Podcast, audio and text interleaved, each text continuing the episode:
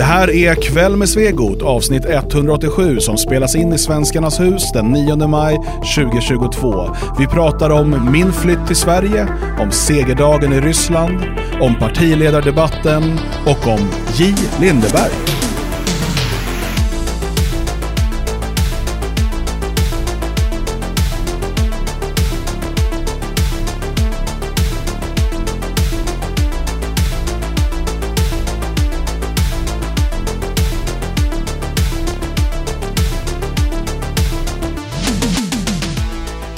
Det är måndag och det är äntligen dags för Kväll med Svegot. Eh, vad är det för datum idag? Ja, det är väl den 9 maj. Och vad betyder det, Björn? Det betyder eh, Magnus Södermans födelsedag. Wow! Och här har vi förberett en sång. Magnus, Magnus, Magnus! Ja, jag känner jag kunde inte gå upp i sista tonen så jag är glad att du hoppade in där. Magnus har nämligen gått och muttrat hela morgonen här i Svenskarnas hus för att han inte har fått några presenter, tårta eller ens tända ljus. Mm. Och så visste han inte att vi hade förberett den här sången. Nej, det, det, som, sy, som synes har vi skrivit Ser du den. Magnus? Det var helt onödigt att vara bitter. Ja, jag förstår ju det nu. Framförallt förstår jag det eftersom du pekade på mig när du frågade eh, Björn nyss vad 9 maj innebär och så pekade du väldigt så här, demonstrativt med hela handen på mig. Jo, men det är mina ledaregenskaper. Ja, men pre- precis. Ja. Så att, nej, men tack för den fina sången. Det var, det var en, en födelsedag att minnas. Hittills har Google eh, gratulerat mig och en sån här där jag har placerat eh, mitt enorma överskott av kapital. Eh, de har också gratulerat mig. Får se om det kommer mer maskiner eller jag börjar gilla AI och sådär. Jag tror att de skulle bry sig mer än ni. Mm. Fast de bryr sig inte på riktigt. Nej, nej, som ni. de är bara snabbare. Just det. Mer effektiva vänner. I Svenskarnas hus, vi står ju här nu tillsammans. Ja, det var ett tag sedan. Eh, Men det blir bra det här. Jag tycker att det, det, det känns ju som... Jag, jag, jag var tvungen att dra mig. Jag har ju suttit och sänt själv länge nu också. Jag kände att det här var att kliva ut ur sin comfort zone eh, lite grann. Men det är helt okej. Eh, Jag är bara rädd för att det kommer bli väldigt varmt och dålig luft här inom ett tag. Men det, det får vi överleva. Ja, vi har väl någon typ av ventilation här va? Jo, ja, det har vi. Hjälper sällan ändå. Kommer fram till. Ja, nej, vi får se helt enkelt. Och det är lite kaosigt idag. Eh, Det här är min första dag i Svenskarnas hus sen flytten tillbaka till Sverige. Eh, Så vi har inte hunnit liksom rodda om i studion och liksom göra plats för att verkligen sända härifrån. Och så. Eh, Utan det kommer ju ske här pö om pö, under veckan åtminstone.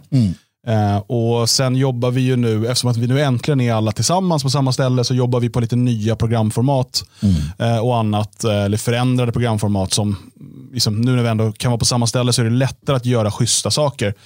Eh, både med video och, eh, och liksom med radio. Ehm, så att det här kommer ju ske, det kommer ju vara under några månader eh, som vi mejslar ut lite nya koncept och lite nya programformat och sånt. Eh, men jag hoppas det kommer börja märkas rätt tidigt. Ja, alltså livestreamen imorgon kväll kommer väl märkas. Ja, vi, vi har väl inte riktigt bestämt hur, den ska, hur vi ska eh, rodda det där riktigt. Det brukar aldrig, det, det, det är svårt, eh, men det löser vi. Ja, vi kommer ju vara på samma ställe men frågan är om vi, eh, alltså hur vi ska sända. För vi kommer inte hunnit bygga färdigt någon fin tv-studio eller sådär. det, utan- Kanske vi kan få upp en, en kamera där någonstans så lyser mot oss och sådär. Det, det, det är viktigt för ingen av oss vill bli filmade sidifrån heller. Ehm, det är ju inte den bästa. ja, eller helst inte under brösthöjd. Nej, brösthöjd är bäst. Ja. Eh, det gäller framför allt, eh, nej, ja så är det. Försök inte nu. Ja, nej, men så att det, det, det kommer vara lite småkaosigt här att få ordning på allting. Men eh, flytten är genomförd. Vi är eh, instuvade i vår lägenhet. Och eh, vi eh, försöker så långsamt eh, komma i, ordning hemma. Eh, vi väntar fortfarande på både säng och soffa. Mm, jag har inte hört något mer om din säng där. Vi väntar ju på speditören ska höra av sig. Ja. Ja. Eh, gett upp. de, skulle ha kommit i fredags, men, men så blev det inte. Så att eh, vi får se helt enkelt. Men det går så på madrass på golvet ett tag, det är inga problem. Nej, nej. Eh, har varit med om värre. Mm, nej, absolut. Men ja, jag var ju med där och flyttade in dig eh, i, i helgen då. Och, och det var trevligt tycker jag. Och jag tycker också att det var trevligt där ni hamnade.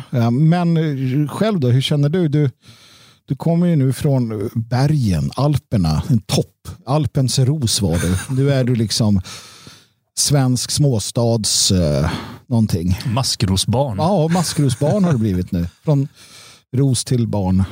Ja, det är ordentliga kontraster i alla fall kan man säga. Det är väldigt olika. Alltså som att vi bodde i en by uh, uppe på bergets topp, 600 meter över havet, med en fantastisk vy över uh, um, Thüringen man såg ända bort mot Bayern. Eh, vi var väl några, några mil från, ehm, eh, ja det är ju Sachsen, några kilometer och sen blir det eh, Tjeckien eh, om man åker österut. Um, och det är ett helt annat landskap. Och Sen är den här byn 45 invånare, eh, omgärdad av fält och uh, bondgårdar och annat. Liksom. Um, det är ju det är knappt man ser en människa och ser man en människa så är det ju 99,9% säkerhet att det är en tysk du träffar åtminstone. Mm. Det är mm. inte speciellt mångkulturellt. Inte ens nere i dalen till närmaste staden då, som heter Leutenberg där det var tusen invånare Um, gammal fin stadskärna från, från medeltiden. Um, där har jag aldrig, aldrig sett någon som inte varit vit. Mm. Um, det är liksom, det, det, jag vet Marcus Folin var på besök uh, när vi hade flyttat dit första sommaren.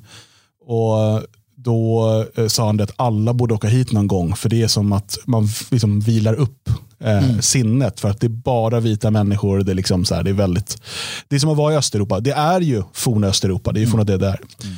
Eh, och nu har vi flyttat då eh, till Mariestad. Eh, som ju ligger en 25 minuter härifrån Svenskarnas hus. Eh, och det är, ganska, det är ju så att vi, eftersom att vi inte har bott i Sverige nu eh, Eh, och min fru var tvungen att säga upp sig från jobbet för att vi skulle flytta hit så eh, kan vi inte få något lån så vi kan inte köpa någonting. Utan då har vi fått kolla på var finns det eh, lägenheter eller hus att hyra. Ehm, och eftersom att vi ville komma hit så snart som möjligt så att grabben kan börja skolan i höst och sådär. Att vi inte liksom behöver stressa med det.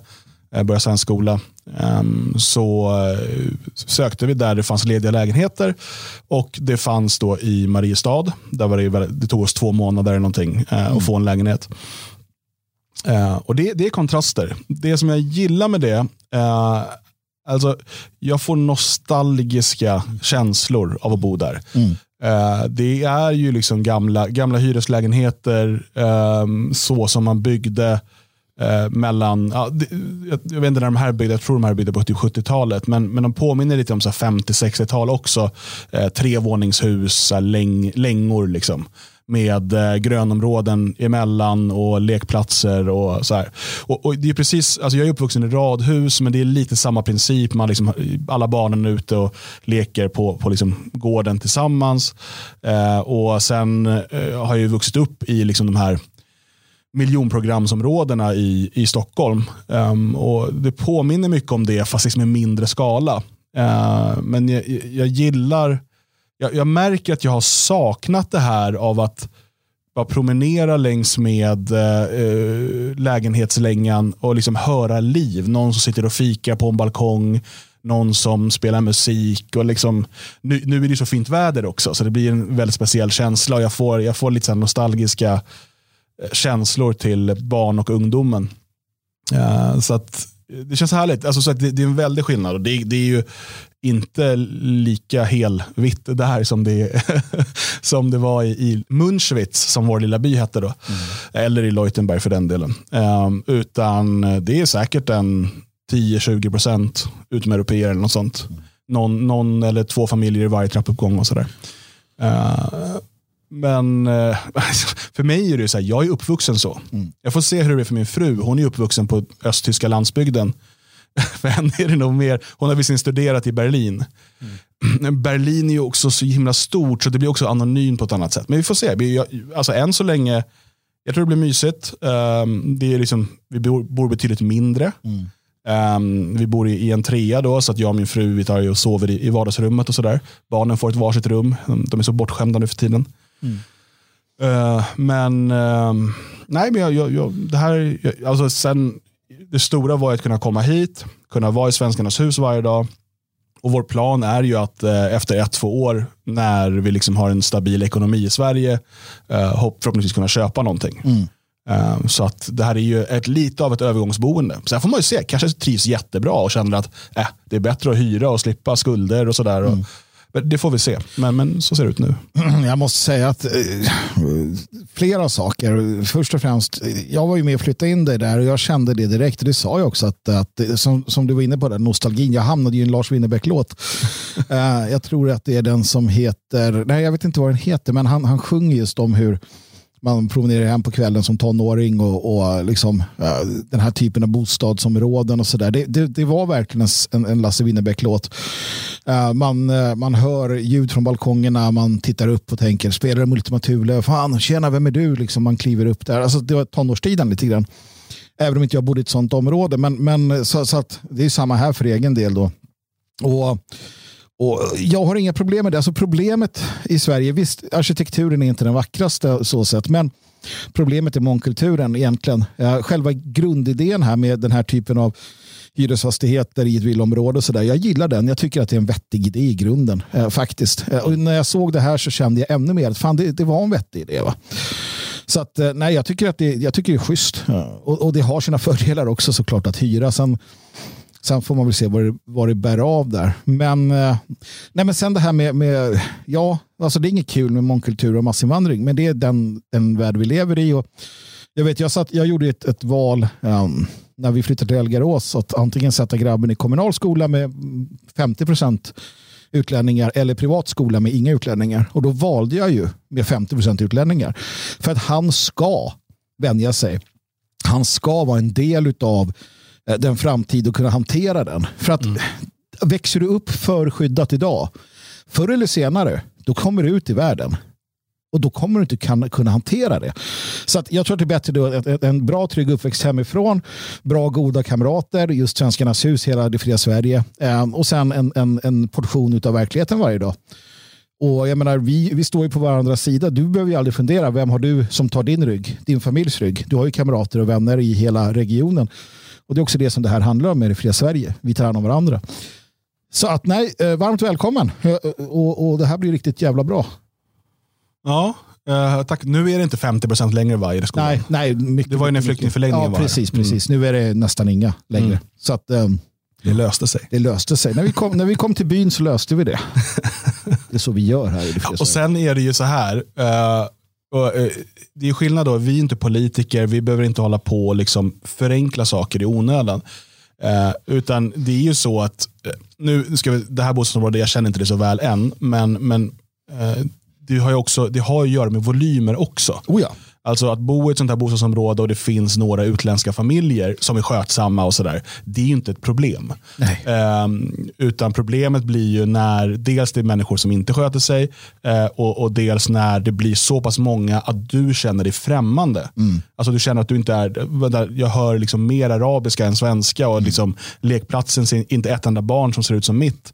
Uh, och, och, det är då, det liksom, då har mångkulturen tagit över. Mm. Um, så att, eh... ja, och så var det inte, för att när vi var där, det var många, och förvånansvärt många var ute med sina barn ja. och barn som var ute. Jag såg ett gäng lintottar som sprang barfota och kastade frisbee och hade trevligt. Ja. Det ser man inte så ofta. Enligt mig. Så att det här var, det var, jag tror att det kan ha, jag vet inte varför, men, men det, var, det var kul att se. Det var bra att se. Så att, ja. Eh, nej, jag tror inte att man behöver oroa sig så. så att, sen är det ju fantastiskt ändå. Alltså, vi, vad är vi för människor? Jag, jag fylls av respekt och beundran. Så att du, du valde bort en bergstopp i Tyskland där du ändå hade levt ett på många sätt och vis bättre liv i det att både ekonomiskt och, och hur det såg ut och hela den biten för att komma hit och vara närmare Svenskarnas hus. Jag, jag, känner, jag känner igen mig i det här.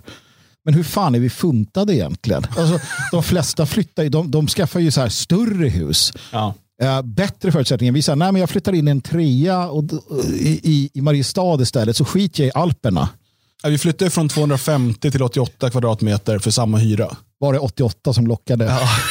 och jag vet inte hur de räknar med 88 om jag ska vara ärlig. Jag tror att de räknar med alltså typ om det inte fanns väggar och liksom skrubb och sånt där. Ja, just. Ja. Um, för att jag har svårt att se hur det ska vara det. Men, men alltså, vi hade ju 250 kvadratmeter i Tyskland för samma hyra. Ja.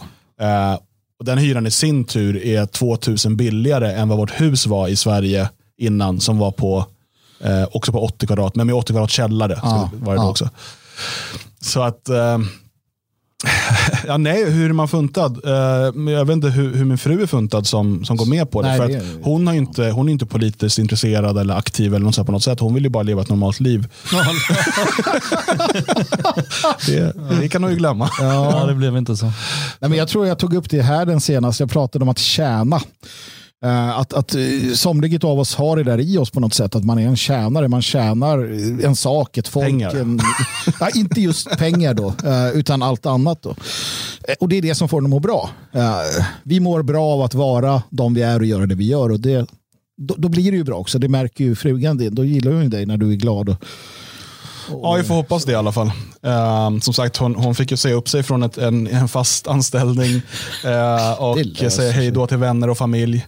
eh, och flytta in till ännu en ny stad där vi aldrig har bott förut. Eh, men vi har, lite, vi har lite vänner och bekanta i närheten och sen Ja, har vi ju Svenskarnas vi- hus. Liksom. vi bor ju här. Björn. Jo, men jag menar just i Mariestad också. Jaha, ja, de vännerna. De riktiga vännerna. Precis. Ja, men sen så, så här, skönt att vara tillbaka i Sverige känner jag. Igår kväll kände jag att nu ska jag vara riktigt svensk, koppla in tvn. Eh, in med antennuttag, fanns sånt fortfarande. Ja. Ja, ingår kabel-tv i hyran. Det är fina grejer.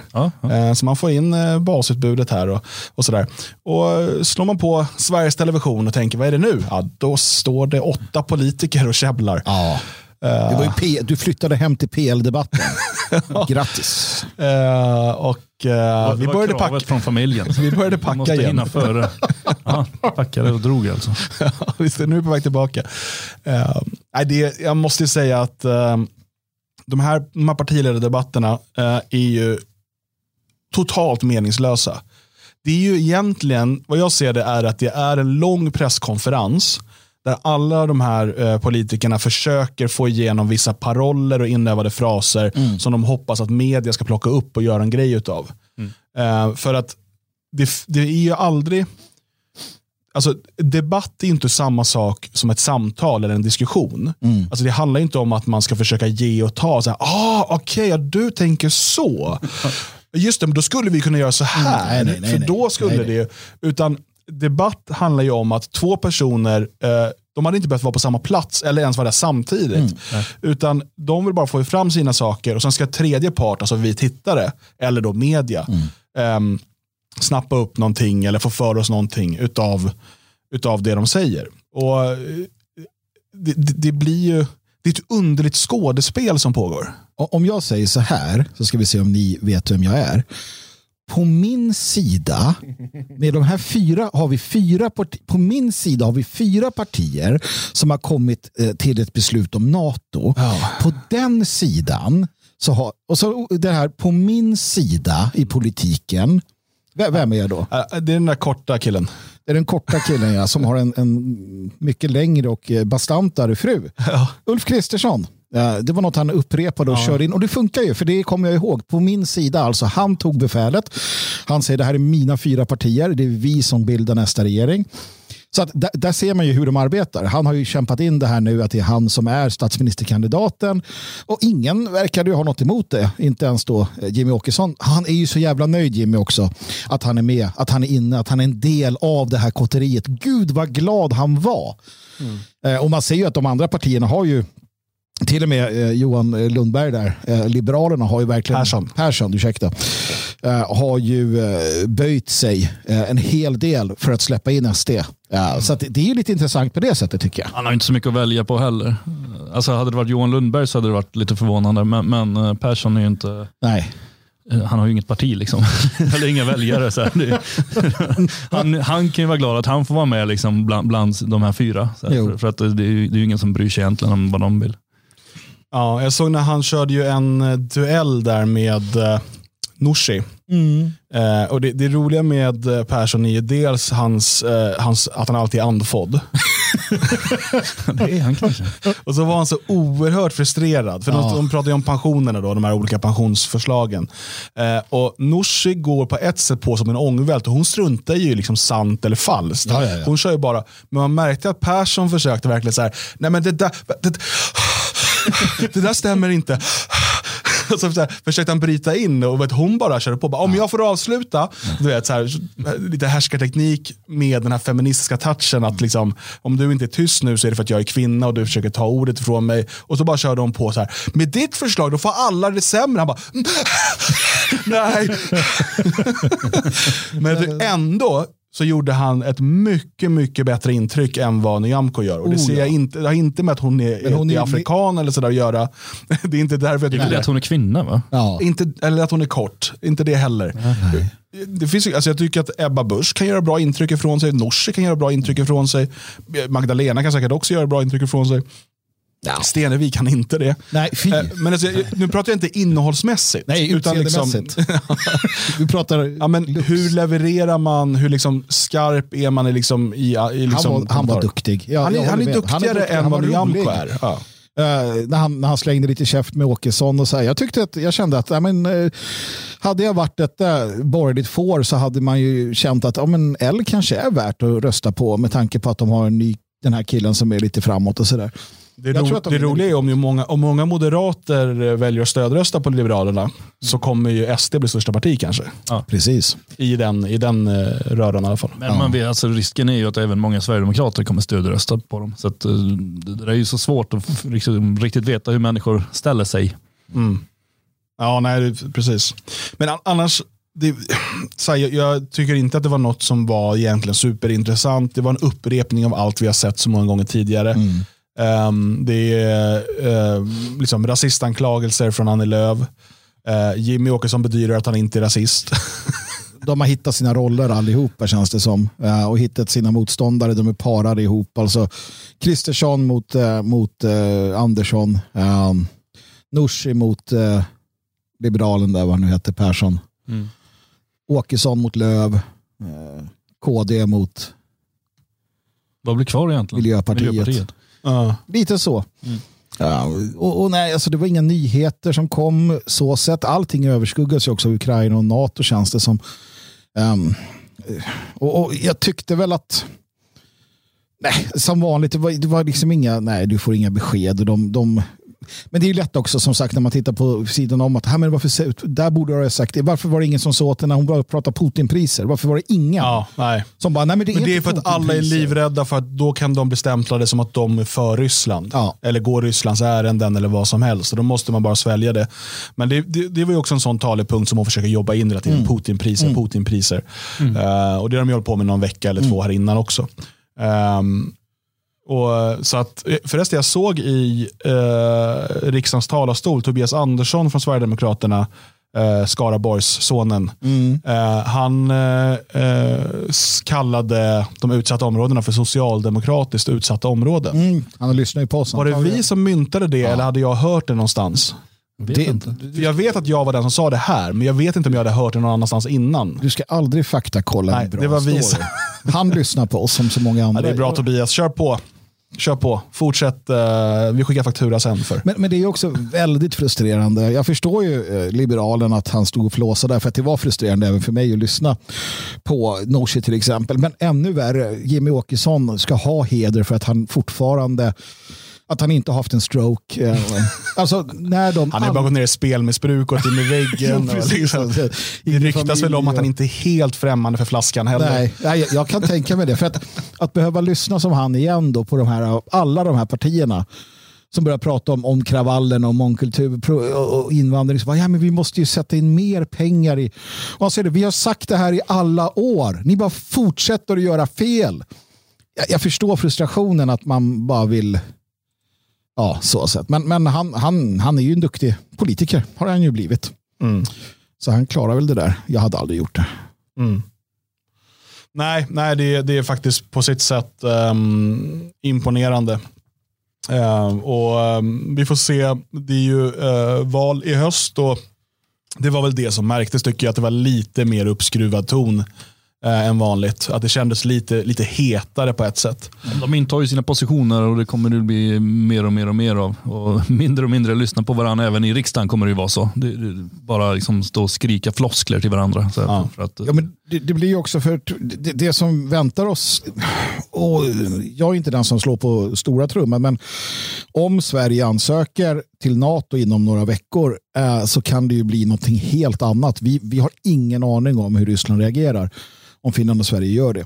Och det gör ju att jag tror att ingen heller riktigt vågar satsa på eh, på att profilera sig förrän vi vet det. För vi, vi kan ju ha en, en liksom, ett, ett krigshot mot, eh, mot Gotland till exempel i händelse av detta. Det, vi kan se mobilisering, vi kan se vad som helst. Va? Så att jag tror att alla är lite försiktiga också i väntan på det här NATO. På söndag nu så ska ju sossarna Fem, 15 maj har de sagt, ja. ska det komma något. Uh, Precis. Um, så vi får se. Um, det, är väl, det är mycket som lutar åt att Sverige uh, följer med Finland, men det ja. finns, finns ju också röster inom S som, som är emot det. Um, så att det är inte helt självklart, men, men, men det är väl det, det rimliga att tro. ja. ja, det är det här och nu. Um, du nämner Ryssland. 9 maj är inte bara din födelsedag, utan Nej. efter att du föddes så döptes jag också till segerdagen precis, i Ryssland. Precis. Sen sa de att du får inte åka in hit. Nej, det var ju konstigt det där när jag, när jag inte var lojal mot dem. Uh, nej, det är segerdagen uh, eftersom det bli över tolv på natten. där i Precis, det befrielsedagen i Tyskland uh, är den 8 maj och segerdagen i Ryssland är den 9 maj. Det är samma dag man firar, mm. men det är olika tidszoner. Så att det, blev, ja, det blev konstigt det där helt enkelt. Ja. Men man kan säga att AFA och liknande i Tyskland, de firar båda dagarna. Det kan jag tänka mig, de passar på. Ja, det, är, det är gratis inträde på nattklubbar och allt möjligt där. Um, och det är ju en, alltså 8 maj då i Tyskland är ju generellt sett en dag då nationalister, eller ja, nationalsocialistiskt eh, sympatiskt inställda nationalister. kan man säga så? Man får inte vara nationalsocialist i Nej, så precis. De är, att, sådana, eh, sådana är. Um, de brukar ju ofta ha någon typ av uh, liksom manifestation med liksom, vi firar inte. Uh, och vänstern brukar ha uh, manifestationer där de står och viftar med brittiska, sovjetiska, franska, amerikanska och israeliska flaggor uh, och firar. Jag tänker, sitter de surt och så här, vi firar inte? För det kan jag tänka mig att jag skulle uppskatta. Den demonstrationen, så här, där alla bara går omkring och är lite småsur och bara, vi tänker inte fira det här. Man ska alla, inte ha alla klär sig i så gråa koftor. Bara, Men det gör de i vanliga fall. De är ju folkish hela, hela bunten. Uh, Ja. ja, nej det, det, det, är det väl inte. Det är ju någon typ av torgmöten och sådär. Jag har ju talat på ett sånt um, mm. i Königs Wusterhausen uh, utanför Berlin. Just det. Uh, det tillhör väl Brandenburg tror jag. Uh, sydost tror jag om Berlin för ja. den som vill ha sin geografi klar för sig. Vara. Uh, Han tar tunnelbanan till Westkreuz, Ostkreuz. Ja. Ja, något sånt. Men, men uh, det är ju en underlig manifestation också. Jag fattar ju, jag förstår ju tyskarna att de vill ut och vara arga på att mm. varför är det här någon typ av festdag? Mm. Vi vart inte befriade. Och sen finns det ju andra då, till exempel antikommunister i forna DDR som också är ute och är arga den här dagen och säger att vi var inte befriade. Nej det vart de ju inte. De hamnade uh, under... Och var, var befriade. Det är också så här när man då köper, fast problem, problemet med det, det är att de här antikommunisterna är ju oftast då västliga, alltså liberaler. Antinazister. Ja. Och, ja. och, och då är det så här, befrielsen i sig är ju då liberal demokrati. Mm. Um, Eh, och det, det, kan man ju liksom tycka vad man vill om, men, men det är ändå intressant. Det är inte så att det är så självklart att alla tyskar ska fira den här dagen, trots att det är liksom en, en ledig dag i kalendern och så. Vi, vi, eh, vi förespråkar, eller jag förespråkar att Sverige ska införa en vi kom undan igen-dagen. Eh, då vi, då vi firar att vi återigen inte... Jag tror Aron Flam hade tyckt om det. Ja. Eh, han kommer ju gå ut och säga jag firar inte, så kommer han ha sådana alternativa demonstrationer. Precis. ja. Uh, nej, så att, och idag då så är det segerdagen i Ryssland och det här är ju en dag som man under lång tid har firat med pompa och ståt och den har blivit det, det är en så tydlig brygga från Sovjet till Ryssland. Ja, um, och Man har ofta haft så stora militärparader den här dagen, visat upp några nya vapen ja. och sådär. Um, och, och, samma sak idag då, uh, stora stora parader. Jag, jag, jag, kan säga jag har ju alltid uppskattat det lite grann eftersom att det har varit en, en, en man har liksom eh, lite nostalgiskt inför hur det var när jag var yngre. För då var det ju mycket mer militärparader. Alltså också i Sverige att man visade upp eh, försvaret och så här på 80-talet och, och, och, så. Men, men det har ju försvunnit i västvärlden. Det är typ Nordkorea och Ryssland ja, Turkiet och sådär också som håller kvar vid det här. Och det, det kan jag tycka var lite trevligt sådär. Men ja, nu blir det lite bitter eftersmak med tanke på vad som händer i Ukraina. Uh, och, och, så vidare. Va? Men, men uh, så är det ju. Och uh, nu uh, satt ju många på tå här inför Putins tal för att man var lite orolig för vad han skulle komma att säga. Ja, och, och meningen med den här typen av militärparader det är väl dels att hylla um, hylla liksom sin, sin militär och, sådär, och, och, sin historia. Men det handlar väl också om att visa omvärlden att kolla, kolla vilka vapen vi har. Mm. Våga inte jävlas med oss. Ja, ja visst. Nej, men absolut. Det det, det, är någon form av styrkeuppvisning och, och så vidare. Nu, nu blir det lite sådär uh, kymigt för honom kan jag tycka. För att en styrkeuppvisning som borde vara borde ju vara på slagfältet i Ukraina och inte på militärparader i, i Moskva. Va? Så att, uh, mm. Det blir ju lite svårt där, men, men propagandamaskinerna, framförallt så det är inte, jag tror att i, den här gången så är det inte så mycket att visa upp för, för världen, utan det är att visa eh, det ryska folket. Ja, det är det han är ute efter den här gången eh, för att stärka moralen och, och så vidare. Och han gör ju det på ett klassiskt sätt. Det är nazism för hela slanten alltså. Det, det är så, ja, det är så, eh, alltså i den ryska logiken, i den ryska berättelsen så, så är det inga konstigheter. Det här är fortsättningen på det stora fosterländska kriget. Eh, Men det är också roligt för att, ja, precis, och, och, och, Ryssland kör ju då nazistkortet ja. eh, mot Ukraina. Ja. Säger, de är nazister, de är nazister, de är nazister. De nazister i väst som stödjer Ryssland säger mm. att Ukraina är jävla liberaler. Det mm. är, eh, vad är det som han eh, i Michael Jones brukar säga? Och nu, förlåt, när jag säger nazister så gör det, då menar jag de som kallas nazister mm. av media. Mm. Det är alltså alla människor från i stort sett Sverigedemokrater till nationalsocialister. Ja, precis. Alltså, det, det, är ett begrepp eh, som jag använder bara för att jag tycker inte om att säga högen, eller, för det är också klumpigt. Mm. Så de som kallas nazister är det vi menar. Eh, men i Michael Jones säger ju att eh, ukrainarna är där för att dö för bögdisco. Det är därför, de, det är därför ja. de. Ja. För de vill ha, ha gratis bögdisco eller ha kvar bögdisco. Eh, och då har den här typen av formuleringar. Så att eh, de och, och, och, som då stödjer Ryssland. Eh, och, och liksom kritiken mot Ukraina ifrån eh, nationella krafter i väst är just att det är för liberalt och för lite nazistiskt mm, egentligen. Mm, eh, Medan Ryssland menar att de är nazister. Ja. Uh, och det är inte, det är också så samma då om man, när uh, man ska prata gott om, om liksom ryska saker, till exempel det här att man då har stoppat uh, sexualiserad propaganda, vare sig den är homo eller hetero, men mm. det här lagen verkar folk inte förstå, riktad mot barn och ungdomar, alltså folk under 18. Mm.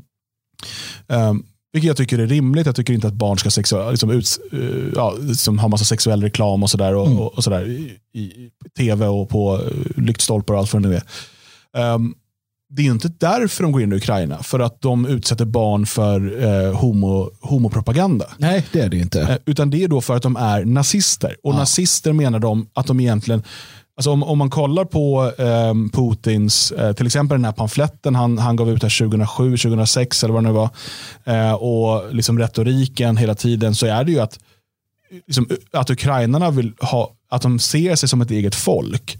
Eh, och att de kräver att liksom, ukrainska är första språket i mm. Ukraina och så vidare. Det är det som gör dem till nazister. Mm, precis. Um, och, och, och så försöker man då koppla, ja men kolla de, de um, nu höll jag på att säga Banderas, det är Antonio Banderas, eh, det är en, eh, han som spelar Zorro.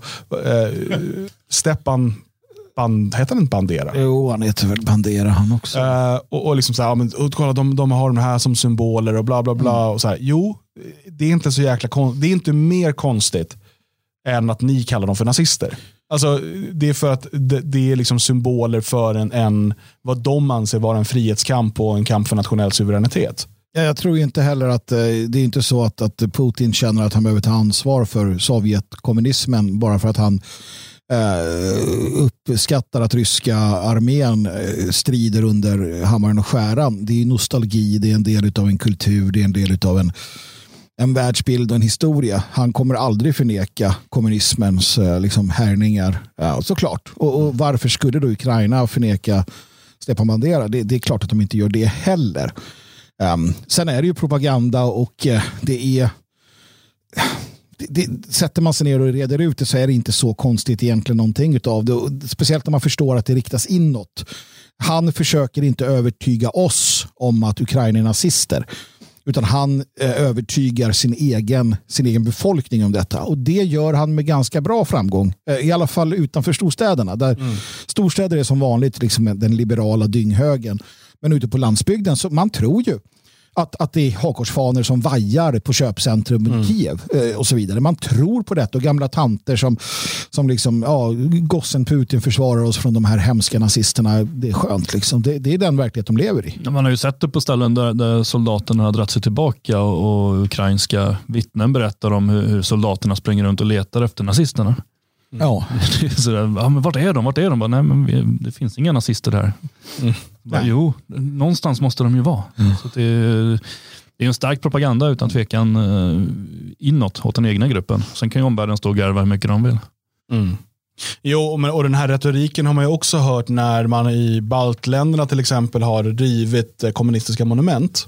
Mm. Eh, för under ockupationen då, under Sovjetockupationen så reste man ju en massa Stalin-monument och Lenin och massa olika i de här länderna. Och eh, sedan självständigheten då i, början på 90-talet så har man steg för steg velat göra sig av med det här. Um, bland annat i Estland men även i Litauen eh, där jag själv har bott. Jag tror att man säkert gjort det i Lettland också. Lettland har en väldigt stor rysk befolkning, så mm. jag är lite osäker på hur det har varit där. Men eh, då har det ju varit, dels har ju då den ryska minoriteten i de här länderna protesterat. Mm. Och från Kreml har man då sagt att ni är nazister, ni är nazister för att ni vill ta bort till exempel en Stalin-staty. Mm. mm. Eh, och, så att, eh, och, och, och, eh, det jag ser som, alltså nu när man sätter den här standarden i Ukraina, alltså att om den ryska minoriteten känner sig förfördelade på något sätt. Eh, om, liksom, de, om, om majoritetsbefolkningen eh, kräver att nej, men det blir ingen mer ryska i skolan nu, utan alla ska prata estniska eller litauiska. Mm. Eh, och man, man eh, vill ta bort de här eh, sovjetiska monumenten. Om det ska vara en grund för att man ska få invadera det landet, mm. för att de här då är nazister, det, alltså allt det här hänger ju också ihop med liksom en bild av, av Storryssland eh, och liksom att, att då återta de här områdena. Självklart är det ju så att med eh, det som sker nu i, i Mariupol och så vidare så handlar det om, om tillgången till Krim och liksom mm. få, få den, den biten. Men det, det, är en väldigt, väldigt farlig utveckling. Och, uh, Vladimir Putin höll ju tal idag och vi har inte kunnat ta del av det i sin helhet ännu. Men uh, vi har kunnat läsa en del översättningar. Um, och där så säger han ju då um, bland annat att strid till soldaterna som nu är i Ukraina. Strid för att ingen ska glömma andra världskriget. Vi ska minnas alla som då dog. Uh, så, här, så han återigen kopplar ihop då att det här är en fortsättning på andra världskriget egentligen. Mm. Och så förklarar han då att man tvingades till den här uh, militära operationen som man kallar det. Mm. Så säger han att NATO-blocket har påbörjat en aktiv militär utveckling i de territorier som gränsar till oss. Det är absolut oacceptabelt för oss. Vi talar om nynazister i Ukraina som USA och dess partners samarbetar med. Eh, han säger också att uh, Ukraina får de modernaste vapnen från NATO. Det visar att beslutet att inleda den särskilda operationen var påtvingat och det enda rätta beslutet. Ja, jag tänker inte ens gå i de form av del. Det, det, är ju vad han, det är hans sätt att försvara det här, vad de har gjort. Man kan säga att det började för åtta år sedan, man kan säga att det började för, alltså det är meningslöst. Men, men vi vet ju också, det här, jag kommer inte ihåg vad det avtalet heter, på 90-talet så skrev ju Ukraina, eh, USA och Ryssland, jag tror det var något mer land också som skrev under. För Ukraina gjorde sig av med sina kärnvapen. Ja, ja. Och då lovade Ryssland mm. att respektera Ukrainas integritet. Ja, ja visst. Ja. Alltså territoriella integritet. Ja. Så att eh, då skrev Ryssland under att ni gör med kärnvapen, Donbass är ukrainsk. Ja. Precis, och sen ändrar man sig. För, ja. för, det, för det jag hör från den nu, ja, men det bor jättemycket ryssar där så, och det har bara varit Ukraina så och så många år. Mm. Jaha, men ni, de, de tvingades göra sig av med sina kärnvapen. Jo. Nej, men alltså stringens i, i, i världspolitik kan man ju glömma. Det, det, Putin var ju tydlig väldigt, väldigt tidigt med att Um, Sovjets fall var en jättestor geopolitisk katastrof. Uh, Men alltså, så jag tycker det är så enkelt. Om ryssar inte trivs i Ukraina Ja. så ska de flytta till Ryssland. Ja, det tycker jag. Om, om, om eh, tyskar inte trivs i Sverige, flytta Ja. till Tyskland då.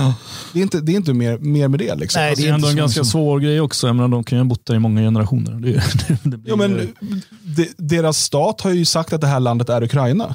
mm. Och, och, och Ukraina har gått med på att avveckla, avveckla sina kärnvapen för att eh, få sina territoriella gränser. Mm. Och, och då, så här, okay, då, nu bor ni i Ukraina. Liksom. För jag menar, så kan man ju eh, resonera liksom, om, om massa delar som har bytt eh, vilken stat det tillhör, vilket land det tillhör.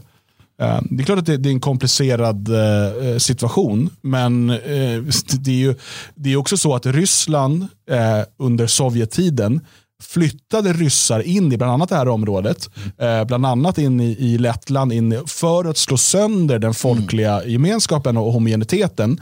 Eh, eftersom att man vill slå sönder de nationella identiteterna så alla ska gå upp i Storsovjet och så vidare. Så det är ju liksom ett problem skapat av Sovjet på många sätt. Men, men imperier kommer imperia sig och det är bara så. Ehm, och, och, jag menar, han, han kommer med det här med NATO, att de, eh, att de har då expanderat mot, eh, mot Ukraina och så vidare. Jag menar, NATO, gräns, alltså det finns ju direkta gränser mellan Ryssland och, och, eh, och NATO, det har det gjort länge. Jo, men alltså, återigen då, vi kan ta det ur ett nationalistiskt perspektiv. Ja. Eh, jag som nationalist är för nationell suveränitet. Ja. Och av princip, även om svenskarna och Sverige är liksom, det är mitt folk och det är det som alltid kommer gå först, men av princip anser jag att alla folk ska ha den rätten. Ja. Eh, och Det betyder att om Estland och esterna vill gå med i NATO, då ska de få göra det. Mm. Ja. Det är upp till dem. Det ska Ryssland ge själva fan i. Ja, det hotar vår gräns. Ja, ni, er gräns är er gräns. Försvara er gräns. Mm. Men att ett suveränt land och ett suveränt folk gör ett beslut som ni inte tycker om, men som inte på något sätt går över er gräns, Mm. utan inom sina egna gränser, det ska ni ge fan i. Jo. Men, men det är just det som jag har varit inne på flera gånger. Att, att eh, Ryssland använder sig inte av, av honung utan de använder sig av en klubba. Eh, västvärlden, de liberala demokratierna, de har eh, gett pengar, de har påverkat, de har influerat, de har haft sina, sina sätt att, att så att säga få de här gamla östländerna att bli mer som dem. Ja. Ryssland har inte gjort det. De har väntat och, och nu då så har de börjat hota och bomba. Ja, och jag tror inte på den vägen. Jag tror att eh, de, de, de västerländska demokratierna gjorde det smarta och därför har de fått maktpositionerna. Ja, och, Men, men, för jag menar, vi har ju genom åren eh, haft en, en hel del eh, invasionskrig från USA, Mm. eh, i framförallt Mellanöstern. De, alltså de som vi har fått genomleva. Vietnam var lite före vår tid. Mm. Så gamla är vi inte, vad ni än tror. Inte än. Nej, det kommer vi aldrig bli. Nej. Eh, men, eh, och där har det varit enkelt för oss att, att säga, men USA ska ge fa själva fan i Ja. hur afghanerna eh, styr sitt land eller, eller irakierna och så vidare. Och vi kan tycka att det är fel och så vidare och vi kan försöka påverka. Det, det är okej, men man har inte rätt att gå in och bomba ett annat land Nej. för man tycker att de störs fel. Ehm, eller att det är fel ledare i, i Libyen och så vidare. Och vi har varit konsekvent emot det här. Och De flesta nationella har konsekvent varit emot det. Det är därför jag tycker det är så konstigt att man nu kan motivera en invasion med att nej men nu har ni tagit beslut som vi inte gillar. Det, det är okej att agera på det här sättet om man heter Ryssland, men inte om man heter USA. Mm. För att det blir alltid så här, oh, men USA gör ju alltid det. Ja, vi är alltid emot det. jo, Det, det, är liksom, det måste ju finnas en, konse- alltså en konsekvent hållning här. Och för mig finns en nationalistisk princip. Eh, och Jag kan ogilla NATO liksom, tills jag, tills jag kräks. Det spelar ingen roll. Jag, jag anser fortfarande att det är esternas rätt att avgöra om de vill vara i NATO eller inte. Om de vill vara en del av EU, om de vill vara en del av FN, om de vill ställa upp i jävla Eurovision. Det är inte mitt beslut. nej, det är det ju inte. Det är inte Rysslands heller. Uh, och jag menar, det är inte så än så. Jag, men men, men det, det, varför, man har, varför det, det finns sympatier för Ryssland det beror ju på andra saker. Uh, lite beroende på vem vi, vi, vi åsyftar naturligtvis. Så att det, det är nog... Det, det, det, det är konstigt bara kan jag tycka att eh, principerna inte upprätthålls. Det är som jag sett som du var inne på där med när folk säger ja men titta NATO bombade Sarajevo. Ja, ja det var dumt. Det var fel. Mm, det är klart. Nationalister NATO var konsekvent nation- emot det. Precis, nationalister har- var frivilliga Ja. att strida mot Ja. NATO. Alltså, ja, men det betyder ju inte att man får bomba Mariupol. Mm. Du kan ju inte komma dragandes med de argumenten. Då är du ju för fan tillbakabildad. Du är ju efterbliven om du använder det. Det är ju, det är ju ett så Paulus-argument. Gör det onda och tro att det blir gott. Du kan inte säga att de bombade Sarajevo så nu bombar vi Mariupol. Det kan du inte göra.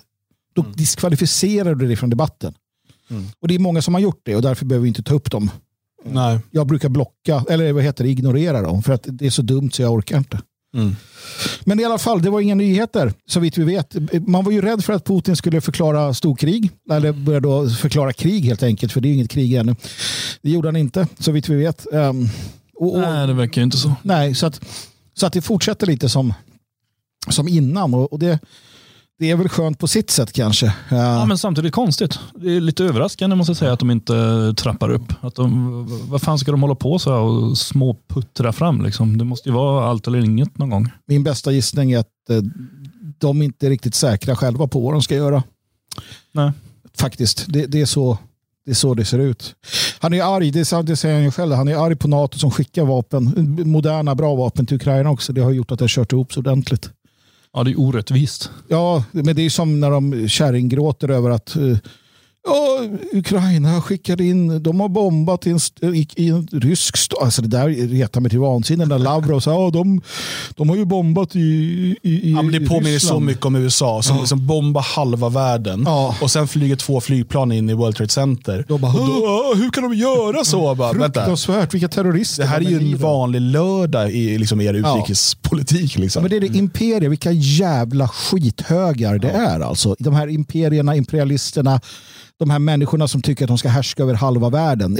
Alltså, jag spyr på bara tanken. Mm. Uh, där har jag landat efter 45 år. Jo, nej, men det blir ju så. Och det, jag menar, det argument som man kan få höra ibland, det är just det där med den ryska minoriteten, att de ställer upp för dem och bla bla bla. Men det, håller, det hade ju bara hållit om Ryssland var en etnostat. Liksom. Och nu är det ju mm. inte det, utan de har ju massor av befolkningar i sitt land och håller på och knyter ihop dem till eh, någon slags eh, multietnisk befolkning. Och då spelar det väl ingen roll om det bor ryssar utanför. Nej. Uh, jag, menar, jag kan ju känna mycket mer för den svenska befolkningen i Finland eller, eller uh, svenskbeborna i Ukraina till exempel. Eh, men jag, jag skulle ha väldigt svårt att se att våra svenska politiker på något sätt skulle brinna för, för de befolkningarna, de svenska spillrorna ute i världen, när de fullständigt skiter i det svenska folket här och ska Nej. hålla på. Eh, och det blir samma med Putin. Så jag, jag, tycker det, det enda argumentet som jag skulle kunna förstå, det faller just på grund av att det inte är en etnisk stat. Mm. Nej, precis. Och det finns inga aspirationer på det. Idén om, återigen då, vilket jag också tog upp för länge sedan, när jag konstaterade att den här Dugin som så många inom vår sfär uppskattade, han, var, han är ju mångkulturalist. Han, han är ju för rasblandning, han är för mångkultur. Uh, han, är, han, han ser det som styrkor och ändå så stod nationella och applåderade det där. Det är för att de inte har läst och inte förstått. Uh, men fortsatt då idén om att Ryssland på något sätt är en frälsare. Eh, det är ett mångkulturellt imperium eh, som strävar efter att återupprätta mer av gamla gränserna och inlämma då, eh, äh, inlämma då flera av de gamla. Sen, sen används strategin återigen att, att skicka mongoler och tjetjener till, till,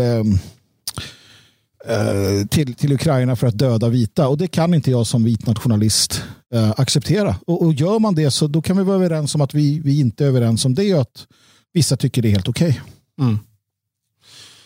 Ja, eh, som sagt, inget eh, krig förklarat eh, under det här talet. Ehm, det kan ju ha varit så att det var planerat, men sen så, så här, fan, nu har de all, alla redan sagt att vi ska göra det. Då blir det ingen överraskning. Nu, nu skiter vi i det här. Precis, det var ju faktiskt en strategi som är lite intressant som, som Pentagon använde innan kriget. Att de hela tiden berättade vad Ryssland skulle göra. Jag tror att det är tråkigt för, för Putin att inse uh, att det läcker som ett såll. Mm. För det gör det, jag är ganska säker på det. Ja, vi lär få anledning att kom, återkomma till Ryssland och Ukraina. Eh, jag ska säga det att vi har ju avslutat eh, vår eh, hjälpinsats eh, i västra Ukraina. Mm. Vi samlade in över 100 000 kronor och har levererat eh, dels till ett eh, barnhem eh, och, och, dels till två sjukhus. Mm. Eh, mediciner och andra förnödenheter. Eh, det kommer att komma upp en uppdatering inom kort med de sista bilderna och så vidare. Eh, men det, det, var, det var inget svårt val för oss att när vi fick möjligheten via de kontakter vi har Eh, att faktiskt kunna hjälpa lite, lite grann. Mm. Först, vi förstår att det inte kommer liksom, eh, nödvändigtvis förändra, eh, förändra allt, men kan vi göra eh, den här hemska vardagen lite drägligare för, för 10 barn eller 20 mm. barn så är det liksom värt det. Eh, och Vi vet att det är många andra som, som gör saker. Och Det är det där, uh, många bäckar små eh, blir till slut en å och så vidare. Mm. Um, så det kommer mer eh, information om det där eh, inom kort. Eh, om du inte redan har gjort det, gå in på valvarjedag.se och eh, kolla in vår kampanj. Där kan du ladda ner en gratis e-bok med 40 tips på saker du kan göra i din vardag för att vara med och skapa en svensk framtid.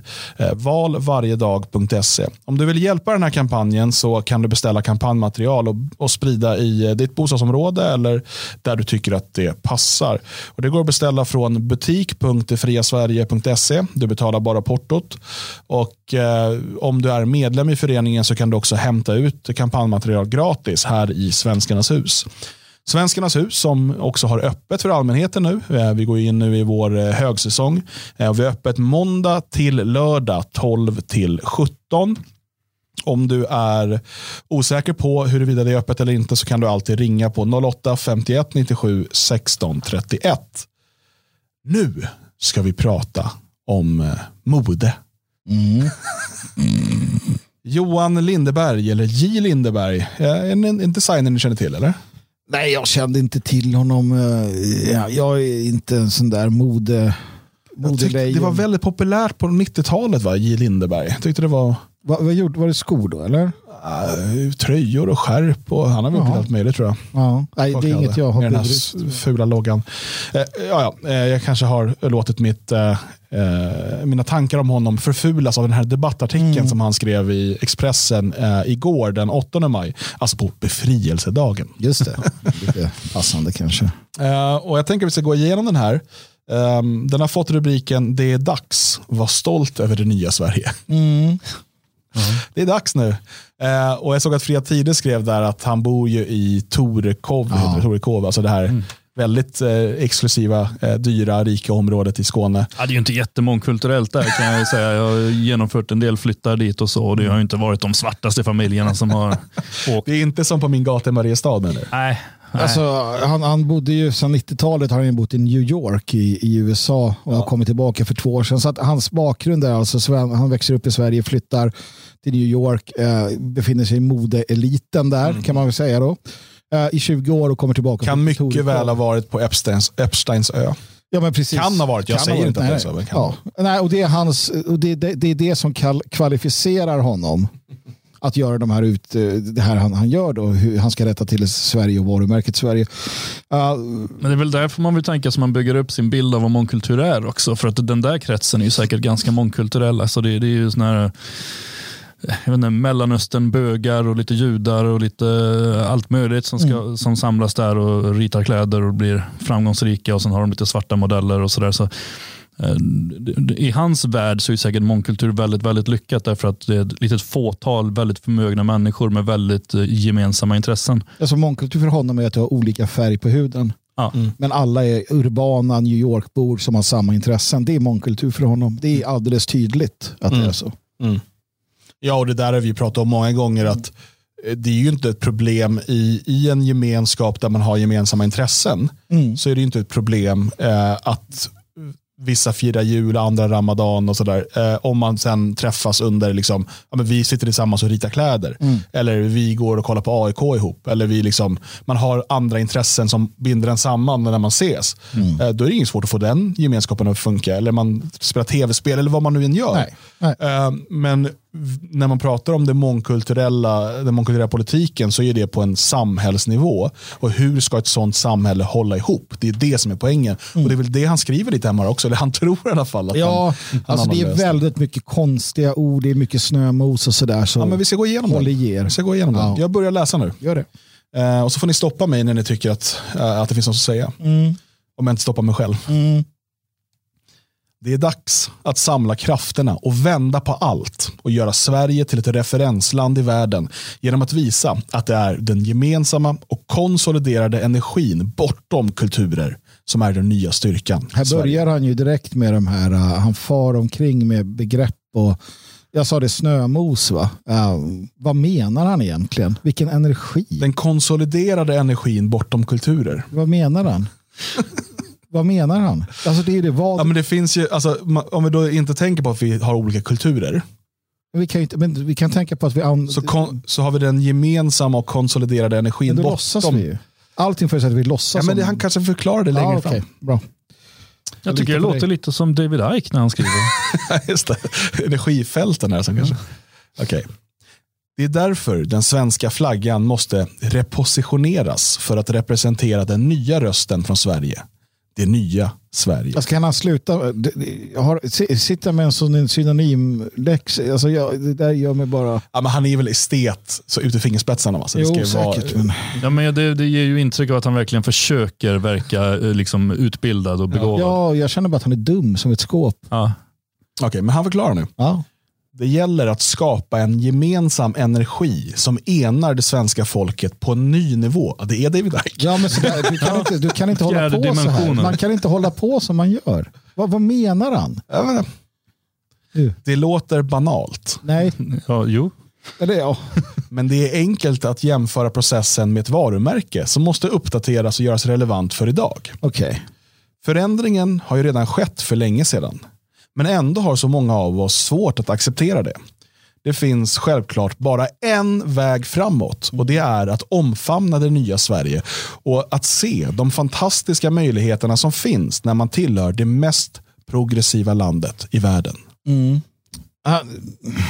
Alltså en sak han missar är ju att kanske 95 procent av svenskarna inte känner sig särskilt privilegierade alls, i och med, fast de tillhör denna progressiva. För det märks inte på det sättet, utan det som vi drabbas av är de negativa delarna. Uh, med ungdomsrån och allt vad du kan, kan tänka er. Mm. Det är det som, men, men han mm. förstår ju inte det. Alltså, det kan jag ge han, han, I hans värld finns inte detta. Nej, han fattar ju inte det. Men, men samtidigt lite grann så kan jag ge han rätt just i det att det kanske är dags för svenskarna att inse att vi lever i ett nytt Sverige. Mm. Att, det, att det gamla mm. Sverige som alla går runt och inbillar sig, det, det finns inte kvar. Mm. Sen är jag ju inte med på tanken att vi ska omfamna det och hylla det, utan tvärtom eh, förinta det. Men, men, men eh, just att vi har ett nytt Sverige, det, det är nog nyttigt för alla att inse. Mm. Ja, så är det, men, men det, och det är då han kommer vidare. Då. Hur ska vi leva i det här nya Sverige? Mm, det är intressant att veta. Då skriver han så här. Att skapa en förändrad identitet är inte svårt.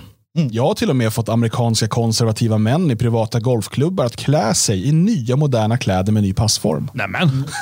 ja. Alltså, Men det krävs mod, tydlighet och uthållighet. Nu har jag hört allt. Han, eh, här har vi ett, ett, ett avgörande problem. Och det är att han, han jämför uh, identitet med kläder. Uh, han, uh, precis, en kulturell, raslig och religiös identitet. Ett, ett, ett folks hela historier. historier, alltså generationer av utveckling, av, av uh, myter. Av, det jämför han med några konservativa gubbar på en golfbana. Här ser man ju hur dum i huvudet han är. Och han, han, menar på allvar. Han är inte dum i huvudet nödvändigtvis. Han, nej, han är bara begränsad i sitt tänkande. Ja, ytterst i sin energifluktuation. Ja, men han lever ju i sin bubbla. Jo. Han är väldigt smart i sin bubbla kanske. Ja, ja, ja. jag vet någon borde sagt åt honom det kanske. Då. Ja. Han skriver så här då. Men det krävs mod, tydlighet och uthållighet. Då kommer vi att få ny kraft. Men framförallt måste det finnas ett tydligt syfte till förändring. Mm. Alla ni som sitter i timmar och kollar på utvecklingen av amerikansk politik på CNN. Hur många? Ja, vilka är detta? Är det Aftonbladet journalister? ja, men alltså, det finns ju några som gör det. Som Med CNN just också. Ja. Ja, men det är ju hans lilla krets. Ju. Ja, det är verkligen. Han skriver ja. det ska ju inte in i Expressen. det ska typ läsas upp i hans vardagsrum. ja. okay, alla ni som sitter i timmar och kollar på utvecklingen av amerikansk politik på CNN och läser om den svåra situationen i andra länder. Ni måste förstå att det snabbaste sättet att förändra världen är att skapa en omgående förändring i Sverige. Wow, okej, okay. nu, nu, nu är det verkligen så svensk chauvinism som ja. vaknar till liv. här. Jag hoppas ja. att ni har vaknat till liv efter alla kriser som världen upplevt de senaste åren. Timingen är nu! Det är stora bokstäver. Nu! Han skriker.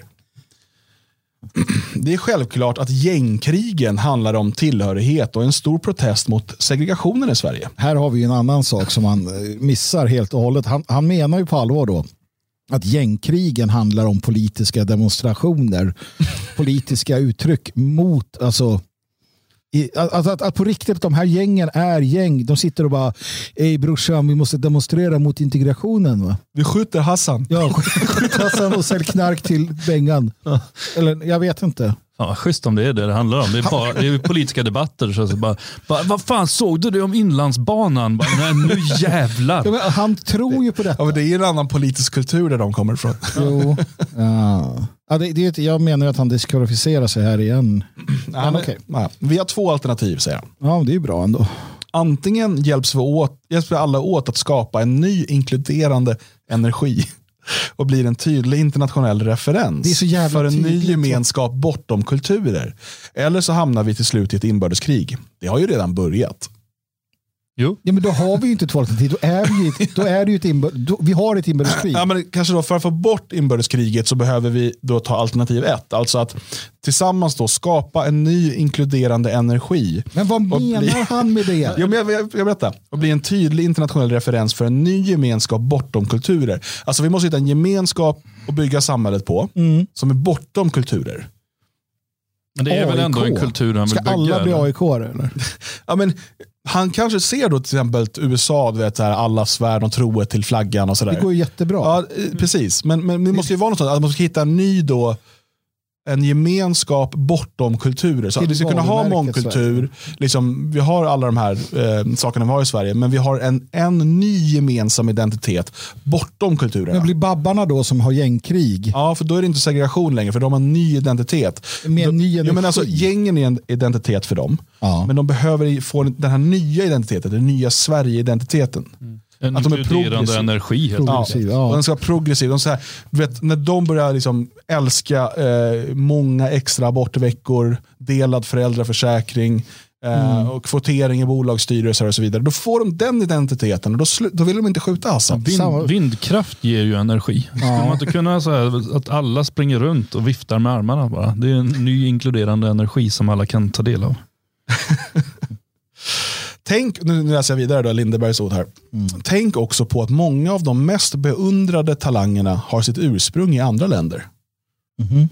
Vi kan använda fotbollslandslaget som en metafor om oh, du vill. Okay. För att de ska vinna så handlar det om den gemensamma energin och att man känner tillhörighet med det nya Sverige. Nej, det handlar om att man, gör sitt, att man är en professionell fotbollsspelare och spelar fotboll. Men här är återigen, ja, eh, du kan i ett fotbollslag ha eh, muslimer, judar, buddister, kristna eh, och, och liksom människor från hela världen som, som spelar tillsammans eh, och som på fotbollsplan. Nej, judar är inte kända för att vara särskilt Ronny Rosenthal, jag såg han göra mål på Råsunda mot Sverige. Oh. Ja, det finns ju några stycken. Det finns ju någon bok bland annat om framgångsrika judar inom, som inom olympiska spelet. Där, oh, den är inte så tjock. Nej, det är ganska tunn, men den finns ju ändå några stycken. men, men det är också, återigen, Ja, man kan i, och vadå, ett fotbollslandslag. Omskärelse till exempel. Alltså fotbollslandslaget är ju inte, det handlar inte om en, en nationell identitet för de här människorna. Nej. Eh, det är ju liksom, dessutom är det ganska många som är svenska medborgare som väljer att spela i andra landslag, för ja. där får de chansen. Och liksom, eh, och så att, men det är klart att du kan få ihop elva stycken professionella fotbollsspelare på en plan och göra ett bra jobb ihop. Ja, det hoppas jag. Annars har vi ju problem på andra sätt. Så att... Ja, men de gör det ju inte för Sverige. Nej. De gör det för att de gillar att spela fotboll och få mm. betalt för det. Ja, och, och, och ju bättre de gör desto mer betalt får de. Ja. Mm. Plocka bort pengarna ur fotbollen och se. ja, kvinnofotboll, damfotboll heter det. Okej, okay. det stämmer också med våra värderingar. Tänk vad vi inspirerar våra barn genom att de förstår och lever tillsammans med andra kulturer. Det är den största gåvan jag gett min dotter. Känner stolthet över att Sverige är ett inkl inkluderande land. Mitt barn eh, spelar quitted. Det gör, gör han. Ja, det är rätt. Nej, men det är många som har, det är många som har, jag, jag, menar, jag är uppväxt med det där också. Ja, och det var ju fantastiskt när någon, någon, någon tjej man kände blev våldtagen eller eh, drogerna som spreds, eller de här multikriminella gängen redan på, på 90-talet.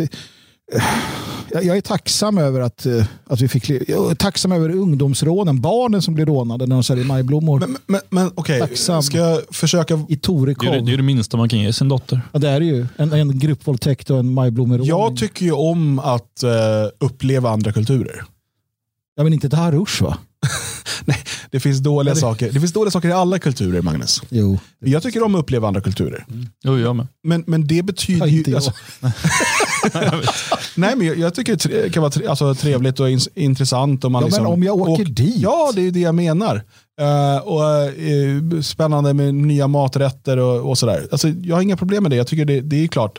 För det han säger ju, den största gåvan jag har gett min dotter, alltså att, men det hon- han säger är att genom att man ska förstå och leva tillsammans med andra Ja, kulturer. men han har bott i New York med sin dotter. Ja, på Upper East Side. Upper East Side och gått på så här schyssta häng på Manhattan. Ja, och, och saken är att, återigen, eh, vi säger att invandringen vore väldigt liten till Sverige, alltså historiskt också. Eh, och vi hade i stan en libanesisk restaurang för den libanesiska familj. Ja, då hade jag gärna liksom gått dit med min familj och käkat och liksom, "Ja, kolla här, så här äter de i Libanon. Hummus. Ja, men, jo, men det är ju inte problemet. Och det är liksom så, men, men på, ett, på en samhällsnivå, när du har hundra olika folk eh, och dessutom med en, inte någon, längre någon klar majoritetsbefolkning, då får du helt andra problem som inte har att göra med att liksom uppleva andra kulturer. Ehm, det kan ju vara liksom jätteintressant att liksom gå och se norrmän, åh käkar ni äcklig fisk på, på julafton? De har pannkakor till sina korvar. Ja, jo men alltså, det, det är inte samma sak som, han blandar ihop korten här rätt hårt. Ja, han kanske förklarar sig nu då. Vi får se. Vi kommer ner på sista, sista stycket. Ah, sammanfattningen. Precis som ett fotbollslag Ja, så behöver det nya Sverige en inspirerande coach. Därför ställer jag upp till statsministervalet. Han tror att vi har statsministerval. ja, han tror ju det. Nej, det står inte så. Nej. Åh, Vad roligt. ja. Jag vill bli president. Ja. Alltså, vi behöver ett visionärt ledarskap som kan sätta ett mål så att eh, vi blir ett referensland på riktigt. Det bästa är att vi får ett politiskt parti eller en allians som tar initiativet och som kan tydliggöra den nya gemensamma energin. Ja, han vill inte tydliggöra den, utan det ska ett parti Nej, det ska ett parti höra och trött. Och därmed ta ett stort steg för att göra varumärket Sverige relevant igen. Make Sweden relevant again. Vi behöver en naturlig ledare som representerar den mångfacetterade kulturen i Sverige och som både har modet och en inspirerande energi för att kunna sätta en ny trend. Att det är mer attraktivt och har en högre status att vara en del av flera kulturer än endast en. Alla är en del av flera kulturer.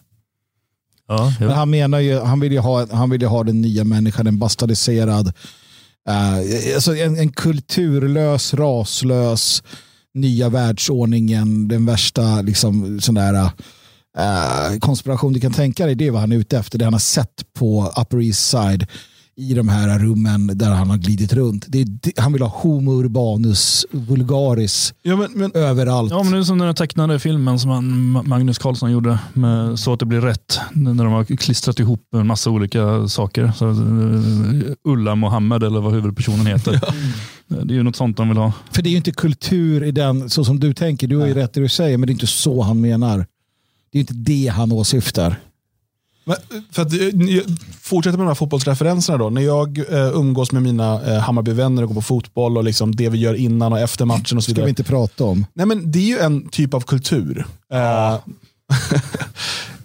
gräsrökning och Missbruk kallas det för i, i andra kretsar. Kultur i dina. Ja, men det är en typ av kultur. Eh, som, eh, och, och den delar jag ju med de som är där. Men jag delar kanske inte den med min granne eh, hemma i stan. Eh, som, som inte är Hammarbyare eller intresserad av det. Som, men, men däremot så firar vi båda jul och vi liksom Eller ramadan.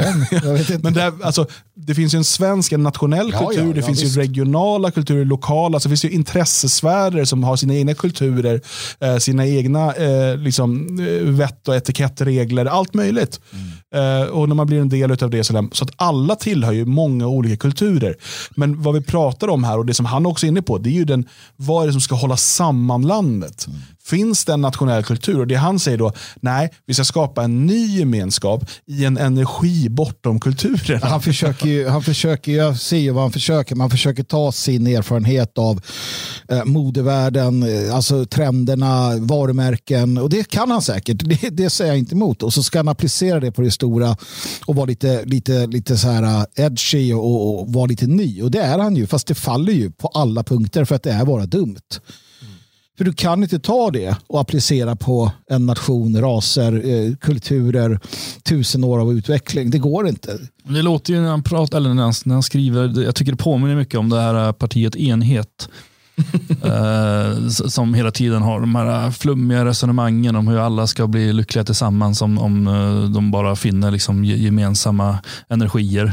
Eh, mm. Så jag undrar om inte det, han ställer upp i val för dem. Det kommer nog visa sig. Kanske är det. Han hade kunnat vara miljöpartist också. Ja, förvisso. Ja, det skulle han kunna vara. Jag vet inte. Okej, men då, när man skriver en sån här debattartikel då behöver man ju en slutkläm. Ja. Alltså, det behövs ju någonting som ja, ja. binder ihop det hela. Liksom, som man lämnar man lämnar läsaren lite mer så ah, okej, okay, mm. ah, mm. mm. grymt, ah, ja, kör nu Lindeberg, nya energier. Mm. Mm. Okej, okay, så då skriver han så här. Tänk om vi löser våra egna problem och blir en röst i världen som folk ser upp till. Det är dags för en ny dynamisk dimension och att vi börjar drömma tillsammans. För att citera Olof Palme. Det får inte finnas vi och dem. Det finns bara vi. Slutscen. Mm. Ja. Ja, det slutar lite som det började. Du lät inte imponerad Björn. Nej, men vad fan. Alltså, jag hatar folk som plockar fram citat och så är de så trötta. Liksom. Det är bara, annars är man en liten lort så skriver Astrid Lindgren. Kom igen. uh, de kan väl åtminstone hitta något uh, unikt. Det bara, äh, carpe diem kunde han skrivit. Som jag alltid har sagt, carpe diem. Nej, gå och lägg dig. Åk tillbaka till USA. Du, du är amerikaniserad, du passar inte in. Jag, jag, ser honom lite här också som att han sitter bara och håller för, han är som alla, alla tre aporna på en gång, håller för ögon, eh, eh, mun och öron. Och liksom mm. så här, jag vill, jag vill, jag vill, jag vill, tänker han. Mm. Det borde vara så här, det borde vara så här, nya energier, kom igen, det får bara finnas vi. Mm. Ja, men, fast vi har ju en verklighet att förhålla oss till. Alltså, det, det är ju... Ja, men, ja, men för det är ju det att han, han, han har skrivit jättemånga ord på rad här nu. Mm. Han har suttit i, i ordlexikon eller synonymlexikon och hittat eh, synonymer till det han vill ha sagt, vilket gör det mer eller mindre obegripligt. Mm. Men han har inte presenterat någonting, utan han har ju bara, ja, någon annan borde ju eh, komma fram till något. Så det vore bra. Mm. Eh, han har inte, alltså hans problembild finns väl där någonstans i bakgrunden, men den är ju knappast unik att Sverige har problem och att uh, Sverige har förändrats. Uh, det, det, vet vi. Eh, men hans lösningar är ju totalt icke-existerande. Utan det är ju bara det här jävla flummet. Bara, nya energier och citera Olof Palme. Bara, nej, gå och lägg dig. Det allvarliga tycker jag, det är, det är två saker som får mig att tycka att han är en, en avskyvärd varelse. Eh, och det, det ena eh, är ju hans defaitism. Alltså det här att han säger åt oss alla att det, det är som det är. Och det är bara att acceptera. Och, och, go with it. Det finns ingen återväg, det finns ingen, liksom, finns ingen mening med att försöka upprätthålla någonting svenskt som vi som i det fria Sverige beskärade av till exempel, utan allt ska vara det nya. Det andra han säger är att det nya ska vara att det är fint att vara eh, multi. Alltså att, att du ska ha blandad bakgrund, du ska ha de här kulturerna, du ska ha allt det här. Det är det fina, det rätta. Han pissar på, på alla oss som, som så här, ja men jag har, jag har ett, en fast Eh, jag är fast rotad svensk, europé, vit västerlänning och då säger han att det är skit, det är värdelöst, det ska det inte vara. Utan det nya fina det är det här äh, Netflix liksom blandade och, och det får mig och det, det, gör att det här blir på en annan nivå. Eh, bort från de, hans det här löjliga då, men det är det här han för ut och för fram och, och för det så eh, kan jag själv bara säga det att när, när skiten träffar Torekov så kommer inte jag lägga två fingrar emellan. Då får han stå där och sköta det själv och jag hoppas att han, att han hamnar mitt i ett gängkrig Eh, eller vad han nu menade att det var ett uttryck för en politisk diskussion. Um, får se vem som tar hans sida. Uh, jävla typ. Och jag, tänker, jag tänker bränna alla mina kläder. J. Lindberg, bojkotta dem. Har du många? Tror jag inte. Så det är skönt. Det, till ord som inte förpliktar. Jag behöver köpa ett nytt skärp. Det kommer inte bli ett J. Lindeberg-skärp. Bra. För det var ju nära att det blev, skulle bli det annars. Jag vill gärna betala överpriser för Är det inte J. Lindeberg-tröjor på det just nu? Det ser ut som det. det. Kommer Tommy Kilniger. Aha. Ja, jag blandar ihop dem. Som hade, de hade någon, um, Tommy Hilfiger heter han, Ah. han. De hade någon multikulti-fest, i- såg jag nu i New York. Så Klart de har.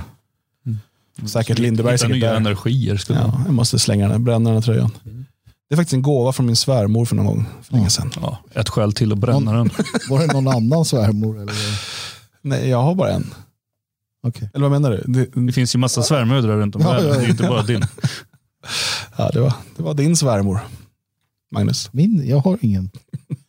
Ja, jag vet inte. Ja, ja. Kul för henne. Den passar inte mig i alla fall, det ser jag det. Nej, det var därför jag fick den. Det är schysst av dig. Ehm, ja, det här är ju lite vad vi hade tänkt prata om idag. Ehm, och eh, vi har ju hunnit gå över timmen här eh, ganska rejält. Så att, Men det är löjligt när vi är tre. Fan, det kommer vi aldrig kunna hålla oss till normala tider. Nej, men det kommer eh, bli, som sagt, vi, vi, kommer, vi kommer ha lite förändringar här framöver. Vi behöver eh, spåna lite, bygga lite studios och lite annat och liksom anpassa det här efter att vi nu äntligen är på plats på samma ställe allihopa.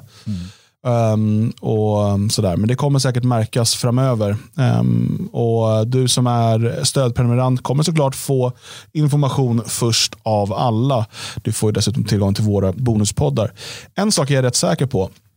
Det här kommer innebära mer material för stödprenumeranter. Det kommer det. Eh, kommer exakt i vilket format eh, det kan vi inte avslöja än, utan eh, det, det håller på att utvecklas. VHS. Jag, jag, har, jag har däremot en viktig sak. Jag har ju haft min hund här i studion eh, som en sån här kanariefågel. Mm. Det vill säga att när luften börjar ta slut, då dör han först. Och nu ser jag att han ligger orörlig på golvet och blir ett med mattan. Så jag tror att det är inte långt kvar för oss nu. Ja. Ja. Så vi får öppna en dörr. Adolf, res upp. Han heter inte så eller? Jo, jo. vi säger det. Adolf. Sluta, Mariestadstidningen kommer skriva att du har en hund som heter Adolf. Det heter han inte. Nej, han heter inte Adolf. Nej, bra. Jag Bra. brukar men jag säger inte hans namn för det kan användas emot mig. Blondie. Nej, men när jag ska, om, jag, om jag säger att han attackerar någon och den vet hans namn, då kanske hunden blir förvirrad. Så att hund säger vi. Hund, okej. Eller Adolf. I studion heter han Adolf. Ja. Studiehunden Adolf. Han, är- han, är, han är han, är död född nu, den, han, är född, han heter Adolf och född den 20 april. Mm. Ja, kan lyssna på en sång av Frank Rennick om det. Nu dör Oj. Nu tog Magnus mikrofon. Ja. Först, först dör hunden, sen mikrofonen, sen Magnus. Hörrni, eh, stort tack för att eh, ni är stödprenumeranter. Om du inte är det, gå in på svegot.se och teckna en stödprenumeration idag så hjälper du vårt arbete och du får tillgång till allt material. Vi tackar för oss eh, och säger gå ut och andas. Ha det gött. Hej hej.